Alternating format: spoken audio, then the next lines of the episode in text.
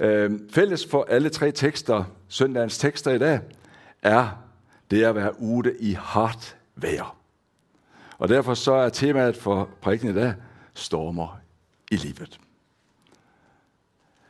Jeg vil gerne vise de tre tekster, som er søndagens tekster på skærmen her. Vi får ikke anledning til at læse alle tre desværre, men de står her, så hvis du vil læse dem, når du kommer hjem, så vil det være fint. Første tekst det er fra salme 107, øh, og anden tekst er fra 2. Korintherbrev, og så tredje tekst er fra Matthæus 14. Og den teksten fra Matthæus 14, den skal vi læse sammen. Og den kommer op på skærmen. Straks står der, efter gik han, fik han disciplen til at gå i båden og dreje forvejen over til den andre siden, mens han selv sendte folket afsted. Da han havde gjort det, gik han op i fjellet for at være for sig selv og bede. Da kvelden kom, var han der alene. Båden var allerede langt fra land, og den kæmpede sig frem i bølgerne, for det var modvind. Men i den fjerde nattevagt kom han til dem gående på søen. Da disciplene fik se ham, da han gik på vandet, blev de skrækslagne. Det er et genfærd, sagde de, og skræk af angst. Men i det samme talte Jesus til dem. Vær ved godt mod, det er jeg. Vær ikke ret. Der sagde Peter til ham, Herre, er det dig? Så sig, at jeg skal komme til dig på vandet. Kom, sagde Jesus, og Peter steg ud af båden og gik på vandet til Jesus. Men da han så, hvor hardt det blåste, blev han ret. Han begyndte at synke og råbte, Herre, bærg mig. Og straks rakte Jesus hånden ud og greb fat i ham og sagde, du lille troende, hvorfor tviler du? Så steg de op i båden, og vinden stillnet. Men de, som var i båden, tilbad ham og sagde, du er i sandhed Guds søn. Da de var kommet over, lad de til land ved Genesaret. I versene før vores tekst, der ser vi, at øh, Jesus har akkurat fået vide, at hans gode ven Johannes Døber er blevet halshugt. Og Jesus har brug for at have lidt tid for sig selv. Men folkemængden opdager, hvor han er, og er så interesseret i ham, så han får ikke lov at være for sig selv. De opsøger ham, og der står, at han får med ynk for dem, synes synd på de, og han helbreder deres syge, og da det bliver kvæld, og de bliver sultne, og egentlig burde gå hjem, så sørger han for, at de får noget at spise. Og det er altså 5.000 mænd, for uden kvinder og børn, som får mat ud fra fem brød og to fisk. Et utroligt under. Og midt i alt det her har Jesus igen brug for at være alene. Han trænger det. Og derfor så sender han disciplene bort. Og det får vi her. Nu skal vi prøve at gå igennem. Der står her, straks efter gik, fik han disciplen til at gå i båden og dreje forvejen over til den andre side. Her står det vældig mildt. Der står, han fik disciplen til at gå i båden. På grundteksten der står der faktisk, at han tvang de. Og når jeg læser i 1930-oversættelsen, der står der, han nødte de. Det er sikkert kendt for det er nu, men han nødte de. Altså det var sådan en form for tvang. De havde egentlig ikke noget valg. Han skulle bare have de afsted. Og vi kan spørge, hvorfor var han så nøje på det? Jo, kanskje han ville lære dem noget. Det kan være en ting. Og det tror jeg, han ville. Det kommer vi tilbage til. Men kanskje han også vil skærme dem fra nu. I Johannes evangeliet, i samme tekst med bespisningsunder, der læser vi, at de blev så begejstrede for Jesus, at de vil føre ham bort med magt og gøre ham til konge. Og kanskje det er derfor, Jesus var interesseret i bare at få de væk. At det ikke disciplen skulle blive starstruck. Og skryde af, at de jo sammen med en kendis. Jeg ved ikke. I hvert fald så skulle Jesus have de bort. Og så sendte han folket afsted, og da han gjorde det, så gik han op i fjellet for at være for sig selv. Det er egentlig også vældig interessant. Jesus står midt i vækkelsen, om vi vil sige det. Der siger en masse ting, der er masser masse behov, folk har brug for ham, og han har brug for at trække sig tilbage og være alene. Og det, som er interessant her, det er, hvis det har været ved Genesretsøen, og ser det sted, hvor man tror, at Jesus han var alene, der kan Jesus faktisk se disciplerne. Men de kunne ikke se ham. Og i samme version i Markus, der står der, at Jesus så dem på søen. Ja, vi går videre. Båden var allerede langt fra land, står der, og den havde kæmpet sig frem i bølgerne, for det var modvind. I Johannes evangeliet samme episode, der står der cirka, hvor langt at de har roet. De har kanskje roet cirka 5 km. Genesaret er 13 km bred, men cirka 5 km. Og de har roet længere, for det står her, at de fjerde nattevagt. Fjerde nattevagt, det er mellem klokken 3 og klokken 6 på morgenen. Så de har altså roet længe, og kanskje de var lidt sint på Jesus. For her har de jobbet og jobbet en hel dag, og samlet alle kurver ind for alle disse 5.000. Kanskje de har brug for en liten pause, og så Jesus, han skulle have dem bare ud i den båd. Og de var fiskere, og de var vant til at være på søen, men ikke til at kæmpe så længe. Så kanskje det var lidt sindt på Jesus. Og det var modvind. Øh, så står der i den fjerde nattevagt, der kommer han til dem. Jesus han så de fra der, hvor han var, og han har lyst at hjælpe dem. Han har ingen båd, og der gik han lige godt på vandet. Og det er faktisk interessant at se, at Jesus gik på problemet. Jesus gik på det, som var et problem, på bølgerne. Og så kom han i fjerde nattevagt, ikke første, anden eller tredje, men i fjerde nattevagt, gående på søen for at hjælpe dem. Og så står der, at disciplene fik se ham, står der her. Så da han gik på vandet, blev de skrækslagne. Og det kan vi kanskje undre os over, men det er ikke så underligt. Her er det mørkt, og der er masser af kanskje vand i luften på grund af vinden. Øh, og så har de ikke set sådan noget før. Og på den tid, der var det ikke uvanligt, at man var lidt ret for hoppet. Det var lidt mørkt og skummelt. Øh, det var dæmonernes hjemsted, sømonstre. Vi ser også, da Jesus åbenbarer sig for disciplene efter opstandelsen, der tror de, det er en ånd. Så de er ikke vant med sådan. Så det bliver livret, og så står der, de skræk af angst. Og hvad siger der? Næste billede. Men i det samme talte Jesus til dem. Vær ved godt mod. Det er jeg. Vær ikke rette. Vær ved godt mod. Det er jeg. På grundteksten på græs, der står der ego Amy. Og det betyder, jeg er. Og vi ved ikke, men kanskje, at disciplerne her, de får en åbenbaring af, hvem Jesus egentlig er. Hvem der kommer gående der på søen. Jeg er. Akkurat den samme betegnelse blev brugt, da Moses han blev kaldt det hellige stedet, i tårnebusken, hvor han måtte tage skoene af, for det var så helligt. Og så bliver Moses kaldt til at hjælpe israelitterne ud. Og så siger Moses til Gud, som han ikke så. Ja, hvis folk spørger, hvem er du? Hvorfor skal du sende os ud? Hvad skal jeg sige? Hvem, hvem kan jeg sige har sendt mig? Så siger Gud, den almægtige, jeg er, har sendt dig. Og kanskje disciplerne kender noget igen, at det er det, jeg er.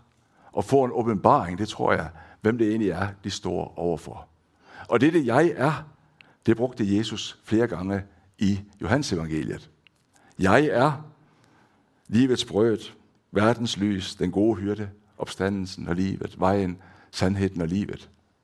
Jesus brugte også termen, jeg er, dengang, Jos, jo, jo, øh, dengang øh, øh, hvad hedder han, øh, nu står det helt stille, men dengang Judas, han er i Gethsemane og skal forråde ham, og de leder efter ham, så bruger han, de leder efter ham, hvor er du? Så siger Jesus, jeg er. Og dengang han siger det, der står der, at de faldt skrækslagende om på bakken. Så stærkt var det. Jesus siger også, jeg er alfa og omega. Begyndelsen og slutten. Ja, så går vi til næste. Hvad er Peters reaktion? Der siger Peter til ham, Herre, er det dig? Så siger at jeg skal komme til dig på vandet. Og det kan vi godt synes, at det er en vældig flot handling. Men kanskje der også er noget tvivl. Det er interessant at se, at djævelen, som frister Jesus, han siger, bruger i samme term, hvis det er dig, hvis du er Guds søn, så sig til stenene, hvis du er Guds søn, kast dig ud. Så vi ved ikke helt, om Peter er fuld af vantro, når han siger det. Og egentlig så er det en disciple, der beder sin mester om at gøre noget. Men uanset hvad, som er Peters motiv, så fordømmer ikke Jesus Peter. Han siger, kom. Enkelt og greit, ikke en masse detaljer, ikke detaljstyring. Kom. Og ham, som siger, kom, giver også Peter kraft til at gå ud af båden og gå hen mod Jesus. Og så går han faktisk på vandet bort til Jesus. Jeg tager næste. Men da han så, hvor hardt det blåste, blev han ret. Peter kunne gøre det umulige at gå på vandet, når han så på Jesus. Men når han så på omstændighederne, der virkede tyngdeloven og alle andre jordiske love på ham, lige så vel som på os. Og han begynder at synke.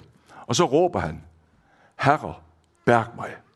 Vi kender et vers fra Gamle Testamentet, hvor der står, kald på mig på nødens dag, jeg skal ud for dig, og du skal ære mig. Ikke en lang bøn, herre, hvis det er din vilje. Han siger bare, kom, herre, bærk mig nu. Og så ser vi noget interessant her. Straks rakte Jesus hånden ud. Straks. Og her er altså noget, hvor Jesus griber ind øjeblikkeligt, og lidt højere oppe i det, vi læste, der greb han ind i fjerde nattevagt. Så der er spænd her. Men det vi kan vide, det er, at hjælpen kommer altid i rette tid. Det er vi lovet andre steder. Og så siger han, du lille troende, hvorfor tvilte du? Det er egentlig lidt hardt af Jesus at sige. Hvad med de andre, der sad inde i båden? 11 stykker sidder derinde og tør ingenting. Peter har trods alt bevæget sig ud af båden. Og så får han at vide, du lille troende. Jeg tror ikke, det går på kvantiteten af tro. Peter er en masser af tro, men det går på kvaliteten. Peter har oplevet så mye med Jesus. Du kender mig jo. Hvorfor tvilte du? Vi går videre.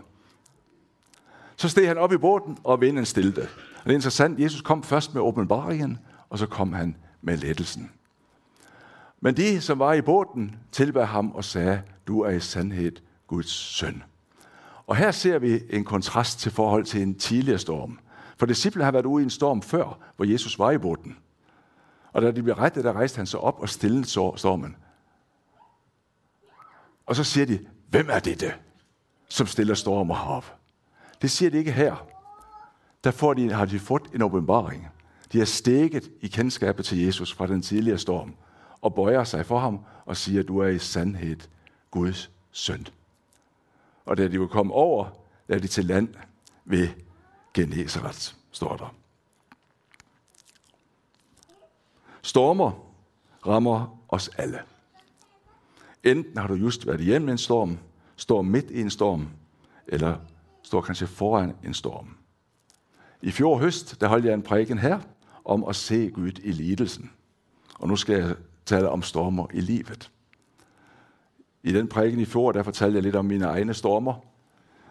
Og jeg vil også sige der, at jeg har stor respekt for dig, som står midt i en storm akkurat nu, og synes, Jesus er langt borte. Jeg har selv været der, og har stor respekt for den situation, du er i nu, og ønsker ikke bare at komme med en let løsning. Men det er min bøn, at du også i dag må få et nyt syn på Jesus, at han er med dig. Stormer, de kan være fysiske, de kan være psykiske, de kan være åndelige. Stormer, de kommer over kristne, de kommer over ikke-kristne. I teksten, som vi ikke læste fra 2. Korintherbrev, der står om Paulus, han har været i nogle storme, hvor han følte, at han var dødsdømt. Men Gud hjalp ham. Og det er vigtigt at skille mellem stormer, som man selv roter sig ud i, og uvarslede stormer. Nogle stormer kan jeg faktisk selv være årsag til. Paulus siger i Galaterbrevet, det er et menneskes sår, skal det også høste. Og det betyder, at jeg må forholde mig til resultaterne af det, jeg selv har sat i gang. Men langt de fleste stormer i livet, de kommer som en del af det at være menneske. Kan der komme noget godt ud af en storm? Ja, det tror jeg så absolut. Her for nogle uger siden, der var oliefondschefen Nikolaj Tangen gæst i vort lille land.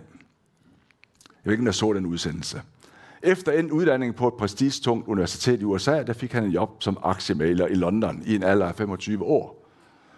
Og det var et sted, et traditionsfri aktie, eller traditionsrig aktiemæglerselskab med 200 års erfaring, hvor man gik med dobbelte manchetter, skjorte, og han var en vældig kar.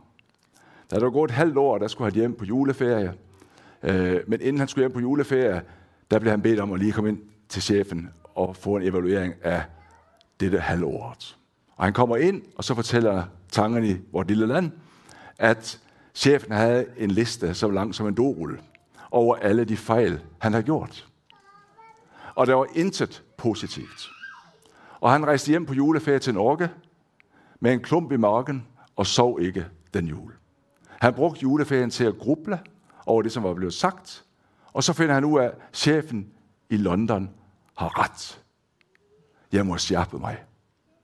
Og så fortæller han, at denne tunge hændelse betød vældig mye for ham, og noget af det mest nyttigste, nyttigste han har oplevet.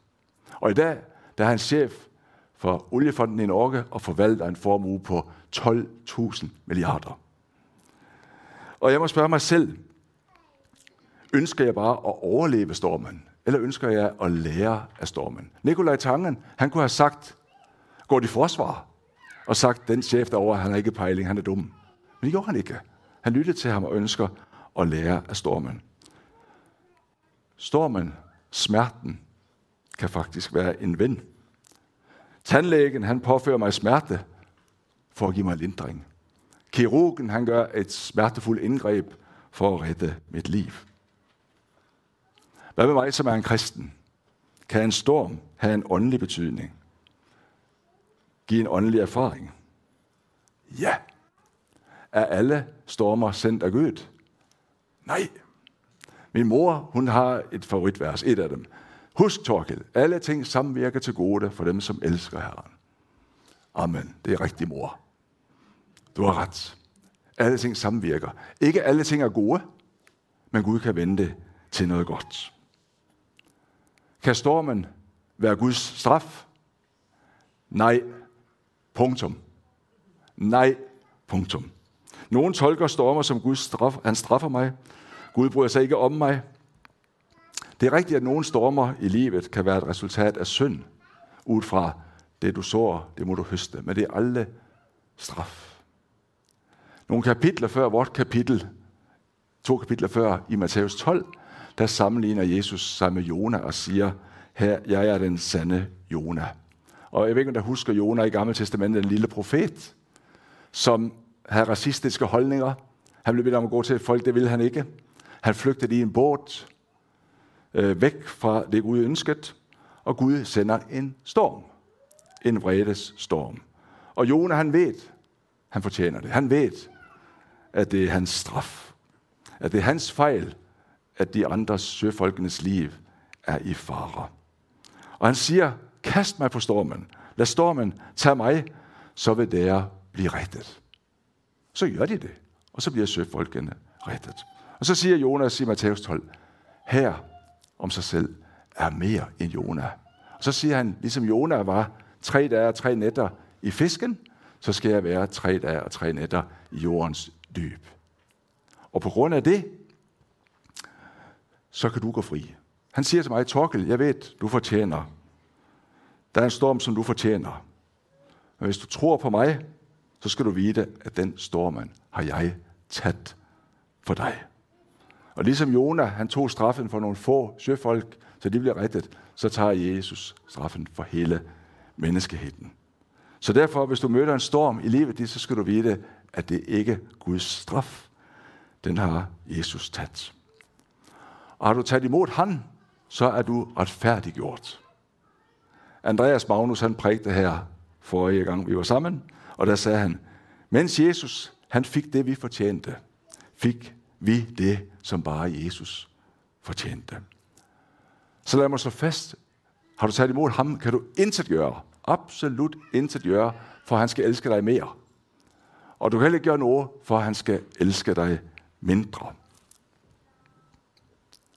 Det håber jeg, der har hørt det.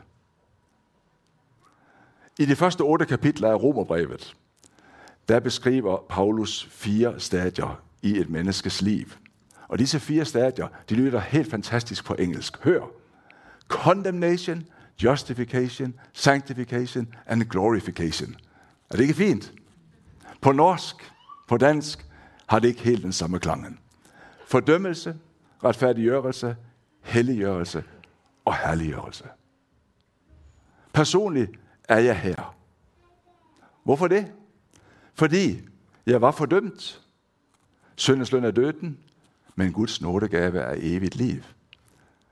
Jeg har taget imod retfærdiggørelsen. Jeg har taget imod gaven. Jeg har intet gjort selv. Jeg kan ikke gøre noget selv. Men jeg har taget imod Guds øh, sonende synd, soning for synden, og er derfor retfærdiggjort. Og det er et standpunkt. Du kan ikke være mere eller mindre retfærdig. Det er enten eller. Enten har du taget imod det, eller har du ikke taget imod det. Så jeg har altså været igennem det. Jeg har været igennem det, og så skal jeg opleve det herliggørelse. Kom hjem til ham. Og fordi jeg er her, og ikke har oplevet det, så må jeg være her. Er det greit? Ja. Jeg er altså midt i denne helliggørelsesprocessen. Og det er den kristne vandringen. Det er at blive mere og mere lig ham, mere kendt med ham og mere udrustet. Og mange af brevene i Nye Testamentet handler om netop denne processen her. Vi er allerede hellige, en status. Men så er vi også vi er sat til side, men så skal vi også vandre. Det er samtidig en proces. Hebræerbrevet, kapitel 5, taler om spædbarn i troen, som skal have mælk, og fuldvoksne, som kan få fast føde. Og det handler om at iklæde sig noget. Det nye menneske. Et liv i ånden. Og lægge fra sig det gamle. En åndelig modningsproces. Og det er knyttet til samvær med Jesus Kristus og den hellige ånds gerning i mit liv. Så vokser der nogle frugter. Vi vil kalde det åndens frugter. Det er ikke bare nogen, jeg selv kan vokse frem, men det kommer i fællesskabet med Jesus Kristus. Og de er beskrevet, de kan lære det fem, der kender det, kærlighed, glæde, fred, overbærenhed, mildhed, godhed, trofasthed. Disse frugter, som kommer i samvær med ham. Men retfærdiggørelsen, det er vigtigt, det er kristenlivets grundvold og standpunkt. Og intet af det, som siges om helliggørelse, kan rokke ved det. Der er nogen, der går i seng om aftenen og har dårlig samvittighed. Jeg gjorde det ikke godt nok. Ja, Gud er ikke fornøjet med mig. Han er fornøjet på grund af det, Jesus har gjort. Du er 100% ok for ham. Så det, der siges her, har intet at gøre med, om du kommer i himlen. Tænk på røveren på korset. Han var fordømt. Så tog han imod frelsen og gik direkte ind i herligheden. Der er ikke mye tid til en helliggørelsesproces for ham, hvis det synder. Og jeg tror, at stormer i livet kan være en katalysator til at blive mere lig ham og blive mere kendt med ham. Og når det stormer, så er vores hjerter ofte mere modtagelige for Jesus. Sådan er det bare. Jeg læser hver morgen et stykke, andet stykke af Rick Warren, som er pastor i Salberg Church i L.A. Og sidst, øh, her for et par dage siden, der sagde han disse tre ting her, og jeg tænkte, det kunne jeg tage med. Jeg har haft mye smerte i livet mit, og faktisk næsten alt, jeg har lært i livet, har jeg lært gennem smerte. Og Gud er mere interesseret i at gøre mig til en mand med karakter, end i min komfort. Og så den sidste, den er dyb. Du ved ikke, at Gud er alt, du trænger, før Gud er alt, du har. Så Gud kan altså bruge stormer til at gøre os mere kendt med ham. Det har vi allerede set. Der er sket en udvikling i øh, apostlene, disciplene. Før så er det, hvem er denne karen? Siden alt lyder ham. Pludselig så bøjer de sig. Og det de gjorde i den øh, passage, vi akkurat læste i, i Matthæus 14, der står, at de tilbad ham. Og det er første gang i Matthæus, at de tilbærer ham som Guds søn. Næste gang de gør det, det er efter opstandelsen. Så de har altså oplevet noget. De har fået mere kendskab til ham. Og vi ser også vandrende, hvis der ser i Peter, som vi har set på nu, og så læser hans breve, så er der sket en utrolig modningsproces med denne karen gennem livet. Og jeg tror, det er vigtigt for os, når vi oplever en storm, og så tænke på, hvad Gud gjorde i sidste storm. Hvordan han hjalp os der. I gamle dage, der satte de op et alter i Gamle Testamentet. Så kunne de, hvad betyder det alfa? Åh oh ja, det var der, hvor Gud gjorde. Kanskje vi skulle skrive dagbog. Så kan Gud også bruge stormen til at gøre os mere lig ham. I Gamle Testamente, der er der flere steder, hvor det står om, at guld bliver prøvet i en smelteovn. Guld bliver prøvet i smelteovnen. Og der står også, at vores hjerter prøves. Men det er ikke bare en gammeltestamentlig term. Det står også i Nytestamentet. Derfor skal der juble og glæde, selvom der nu en kort tid, om så må være, har det tungt i mange slags stormer, prøvelser. Hvorfor? Hvis der kommer næsten der. Slik bliver troen deres prøvet. Selv forgængelig guld bliver prøvet i ild. Troen, som er så mye mere værd, må også prøves, så den kan blive til pris og herlighed og ære for der, når Jesus Kristus åbenbarer sig. Guld bliver prøvet i ild. Det bliver varmet op til nogle enorme grader. For at urenheder bliver brændt op, eller den kommer til overfladen for at kan siles væk. Og det siges, at guldsmeden han bliver ved med den harde processen. med at rense og tage væk, indtil han kan se sit eget spejlbillede i overfladen af guldet. Og jeg tror også, at Gud han ønsker at rense os. Øhm, og har også i en proces, så han ser mere og mere af sig selv i os. Så hvad er min holdning, når jeg møder en storm? Skal jeg sige, hvorfor siger jeg det for mig? Jeg ønsker, at jeg kunne sige, spørge Gud, hvad ved du, jeg skal lære af dette? Og det er en god anledning til at se, hvor er mit hjerte. Josef i Gamle Testamentet, han er et fantastisk eksempel på, hvor vi ser, at Gud tillader noget i hans liv for en større hensigt. Hvis der husker beretningen om Josef, så var han en spoilt gudunge. Han var stolt. Han skulle vise alle hans drømmer. Hans brødre blev sendt på ham, lag af ham, og sendte ham af gårde til et andet land væk. De ville ikke have noget med ham at gøre. Og der oplevede han faktisk succes, indtil der skete en misforståelse. Så kom han i fængsel, så troede han, han kom op af fængslet, så glemte de ham og tilbage til fængslet. En lang, lang proces, og så til sidst så blev han en af de mægtigste mænd i Ægypt, der skulle styre alle skatte i Ægypt. Han fik så mye magt, at han kunne bare fordele alle Ægypts goder, også til sine egne brødre, som har sendt ham af gårde. Og der siger han det kendte verset, eller den sætningen, i øh, kapitel 50 i 1. Mosebog. Der jeg tænkte at gøre ondt mod mig, men Gud tænkte det til det gode, for han ville give liv til et stort folk, slik som vi ser i dag. Gud tænkte det til det gode. Al den modstand, Josef havde oplevet, det var med til at gøre ham til den mægtigste mand i Ægypt. Men ikke alle får opleve det at se hensigten, se sin livsbog, så som han gjorde. Han så pludselig en mening. Det er langt fra alle, der gør det. Det sker faktisk ikke så tit. I høstferien, der var Turde og jeg sammen med min bror og min svigerinde, som sidder hernede i salen. Vi var en tur i Paris og skulle nyde livet. En biltur til Paris. På torsdagen der fik vi pludselig en telefon fra Sørlandets sygehus, hvor min svigerfar fortæller, at han har fået at vide, at han bare skal leve nogle få dage, og vi gerne må komme hjem. Og der går alt bare hjem over. Vi droppede øh, næste overnatning og begyndte bare at køre hjem, og køre op igennem Frankrig, op igennem Belgien, op igennem Tyskland, og kommer kl. 22, lørdag, øh, kl. 22 torsdag aften, lidt sør for Dortmund. Har det hyggeligt i bilen, kører, ja, vi kører lidt fortere i Tyskland end her i Norge, så det går bare op over. For vi har et mål, vi skal nå Color Line i Hirtshals dagen efter. Pludselig så hører vi en lyd. Pling! Og jeg ser på dashbordet en rød lampe, og temperaturen, der er i det røde feltet.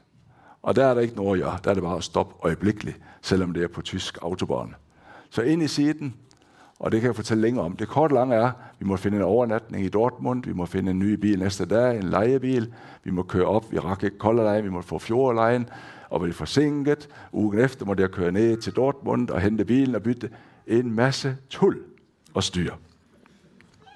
Men ved der, hvorfor Gud han tillod havari, forsinkelse, masse ekstraarbejde, forsikringssager, en gedigen værkstedsregning og mye stress. Ved der, hvorfor han gjorde det? Det gør jeg heller ikke jeg. Jeg har ingen anelse. Når jeg trængte bilen allermest, svigerfar ligger for døden, jeg kører op over, den har aldrig svigtet mig, aldrig. Så akkurat da. Hvorfor? Har ingen anelse. Og sådan er det ofte. Og jeg siger det her bare for et eksempel. Sådan er det. Men jeg tror, at Gud kan bruge det til noget. Men jeg ved ikke hvad. Peter kunne gøre det umulige, når han så på Jesus. Men Peter var underlagt alle naturlover, når han så på omstændighederne. Når han så på ego Amy, ikke som bare var engang, eller som skal komme, som er her nu, så gjorde det noget med ham, og også med disciplene i båden. Et andet navn for Gud er Immanuel. Gud er med os. Og Bibelen lover ingensteds, at når du bliver en kristen, så stopper alle stormer. Men Bibelen lover fra perm til perm, at Gud er med dig. Emmanuel, Gud er med dig i hver eneste storm. Ingen andre religioner hævder en Gud, som er med os i vores lidelser, eller en Gud, som selv har lidt. Ingen andre. I Hebræerbrevet 12 står der et flot vers. Derfor, når vi har så stor en syg af vidner omkring os, og det er de vidner, som er omtalt i kapitel 11, så lad os lægge alt det, som tynger bort, og synden, som så let fanger os ind, og med udholdenhed fuldfører det løbet, som ligger foran os, med blikket rettet, festet på ham, som er troens ophavsmand og fuldender. Med blikket festet på ham, som er troens ophavsmand, ham som har frelst os og fuldender, til vi skal hjem og alt imellem. Ham skal vi have blikket rettet mod. Før at vi har kamera på mobiltelefonen, der har vi sådan et kamera her. Jeg ved ikke, det er en oldsak, men det, det findes fortsat nogle steder.